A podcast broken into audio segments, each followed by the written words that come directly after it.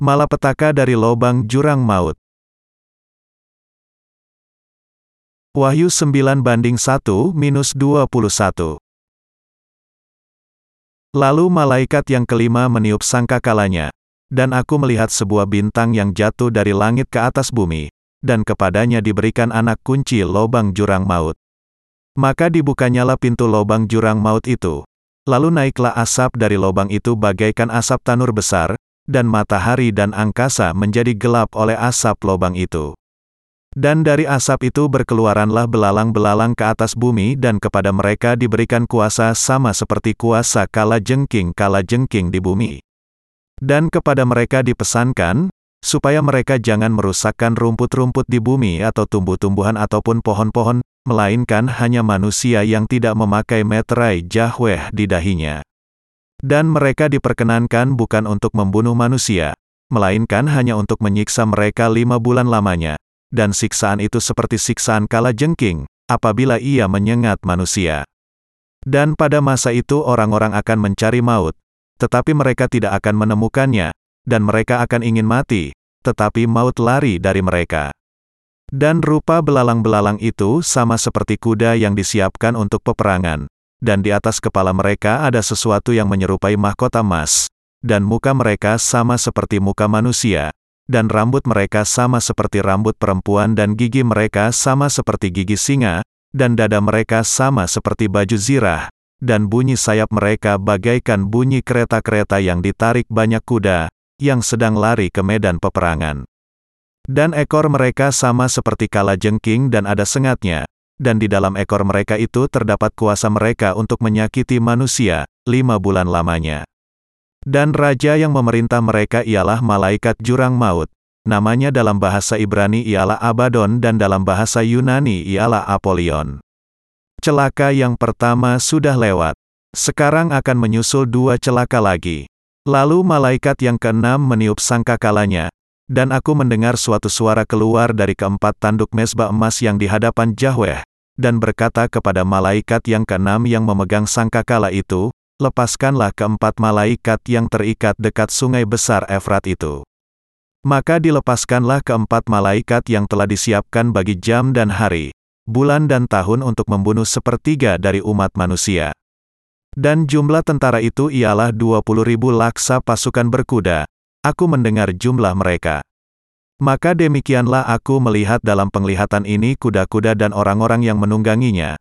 Mereka memakai baju zirah, merah api dan biru dan kuning belerang warnanya, kepala kuda-kuda itu sama seperti kepala singa, dan dari mulutnya keluar api, dan asap dan belerang. Oleh ketiga malapetaka ini dibunuh sepertiga dari umat manusia, yaitu oleh api, dan asap dan belerang, yang keluar dari mulutnya. Sebab kuasa kuda-kuda itu terdapat di dalam mulutnya dan di dalam ekornya.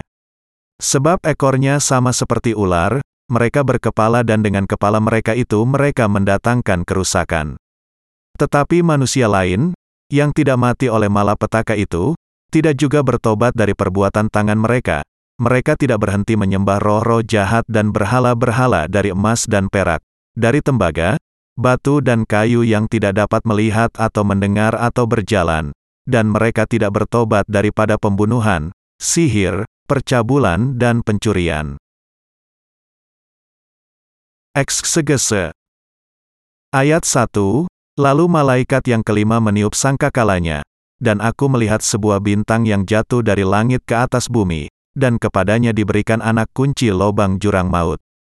Yahweh memberikan kepada malaikat itu anak kunci kepada lobang jurang maut berarti ia memutuskan untuk menurunkan malapetaka yang sedahsyat neraka kepada manusia.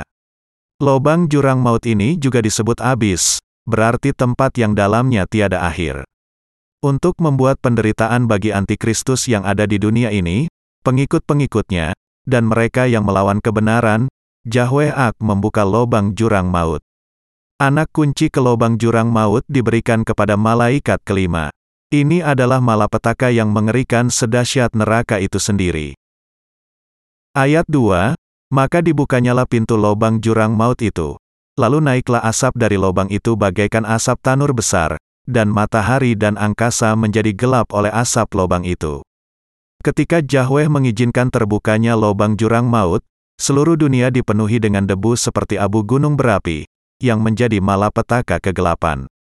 Malapetaka kegelapan ini disediakan bagi mereka yang mencintai kegelapan. Yahweh adalah Yahweh terang yang bersinar atas kita, memberikan Injil air dan roh kepada setiap orang. Kepada mereka yang percaya kepada kebenaran ini, Yahweh memberikan anugerah keselamatan dan mengizinkan mereka untuk hidup di dalam terangnya yang bersinar. Tetapi mereka yang tidak mau menerima kebenaran akan menghadapi ganjaran yang adil dari Yahweh, karena ia akan memberikan kepada mereka malapetaka kegelapan dan penghukumannya yang ajaib. Manusia pada dasarnya dilahirkan sebagai orang berdosa, dan mereka lebih menyukai kegelapan dibandingkan dengan terang di dalam kehidupan mereka. Mereka layak menerima malapetaka kegelapan dari Yahweh karena menolak dan tidak mau percaya kepada Injil air dan roh yang diberikan oleh Tuhan. Ayat 3, Dan dari asap itu berkeluaranlah belalang-belalang ke atas bumi dan kepada mereka diberikan kuasa sama seperti kuasa kala jengking-kala jengking di bumi Yahweh akan mengutus belalang-belalang ke dunia ini dan menghukum dosa-dosa mereka yang melawan kebenaran Yahweh dengan pemikiran naluriah mereka. Malapetaka belalang-belalang ini bisa membawa rasa sakit yang sangat dahsyat seperti sengatan kala jengking. Karena itu semua orang berdosa yang ada di dunia ini harus percaya kepada kasih Yahweh yang sejati. Dan mereka yang tidak percaya, mereka harus mendapatkan pengalaman sendiri melihat betapa dahsyat dan menyakitkannya dosa menolak kasih Yahweh dan perlawanan mereka terhadapnya. Yahweh mengirimkan belalang-belalang ke dunia ini dan membuat manusia membayar upah dosa mereka yang melawan Yahweh kebenaran dengan pemikiran naluriah mereka sendiri. Harga dari dosa ini adalah menderita di dalam malapetaka belalang-belalang. Ayat 4, dan kepada mereka dipesankan, supaya mereka jangan merusakkan rumput-rumput di bumi atau tumbuh-tumbuhan ataupun pohon-pohon, melainkan hanya manusia yang tidak memakai meterai Yahweh di dahinya ketika Yahweh menurunkan malapetaka belalang-belalang yang mengerikan, ia tidak lupa menunjukkan kasih karunia-Nya kepada mereka yang dimeteraikan olehnya. Ia juga melarang belalang-belalang itu merusakkan alam ini.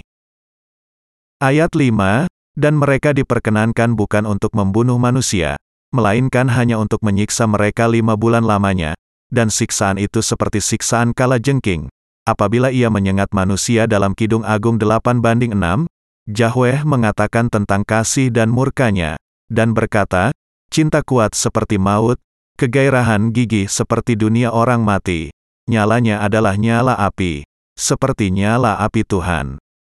Demikian juga, malapetaka ini menjelaskan betapa lebih mengerikannya penghukuman yang akan diturunkan kepada mereka yang menolak kasih Yahweh yang ditunjukkannya melalui Injil air dan roh.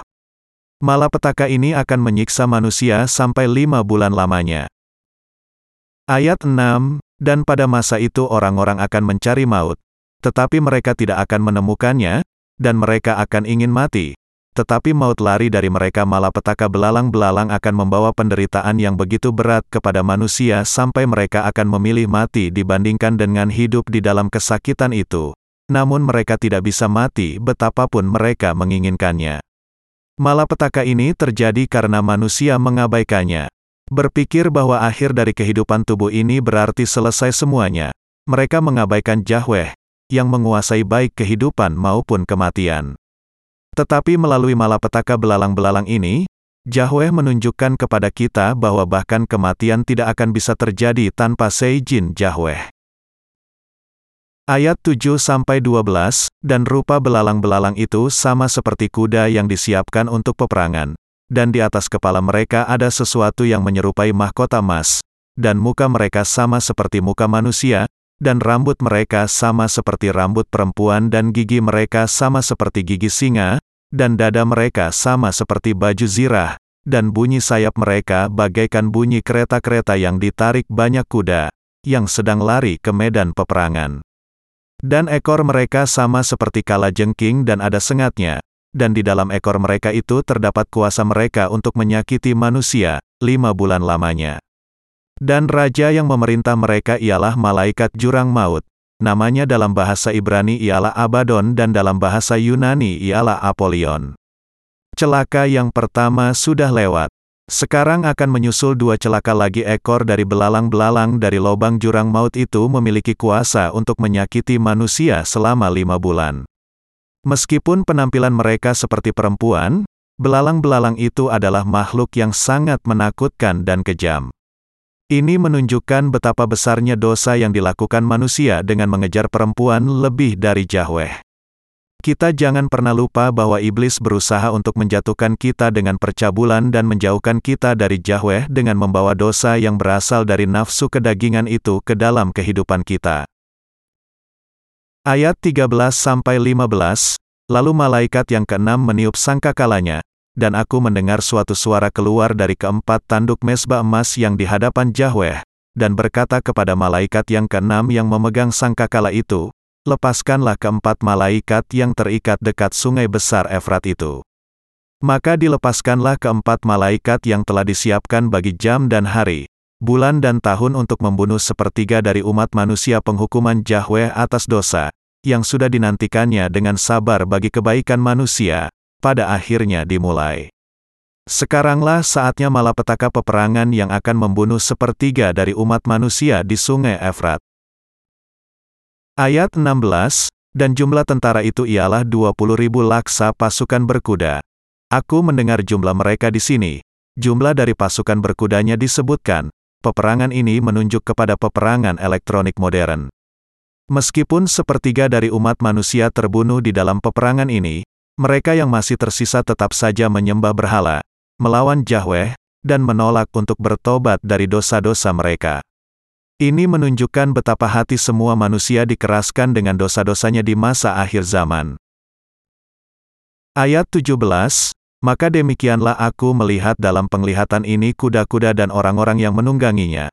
Mereka memakai baju zirah, merah api dan biru dan kuning belerang warnanya, kepala kuda-kuda itu sama seperti kepala singa, dan dari mulutnya keluar api, dan asap dan belerang apa yang dilihat Rasul Yohanes di sini adalah sebuah senjata yang sangat menghancurkan di abad 21, seperti tank, pesawat tempur, dan senjata-senjata modern lainnya. Ayat 18-19, oleh ketiga malapetaka ini dibunuh sepertiga dari umat manusia, yaitu oleh api, dan asap dan belerang, yang keluar dari mulutnya. Sebab kuasa kuda-kuda itu terdapat di dalam mulutnya dan di dalam ekornya. Sebab ekornya sama seperti ular, mereka berkepala dan dengan kepala mereka itu mereka mendatangkan kerusakan peperangan yang sangat dahsyat dilakukan dengan senjata modern akan terjadi di akhir zaman. Dan sepertiga dari umat manusia akan mati karena malapetaka api dan asap serta belerang dari persenjataan ing demikian. Ayat 20, Tetapi manusia lain, yang tidak mati oleh malapetaka itu, tidak juga bertobat dari perbuatan tangan mereka. Mereka tidak berhenti menyembah roh-roh jahat dan berhala-berhala dari emas dan perak, dari tembaga, batu dan kayu yang tidak dapat melihat atau mendengar atau berjalan meski ada malapetaka itu. Mereka yang tersisa dari peperangan itu bahkan semakin menyembah berhala dan terus sujud kepada mereka, karena mereka adalah orang-orang yang ditentukan untuk dibinasakan.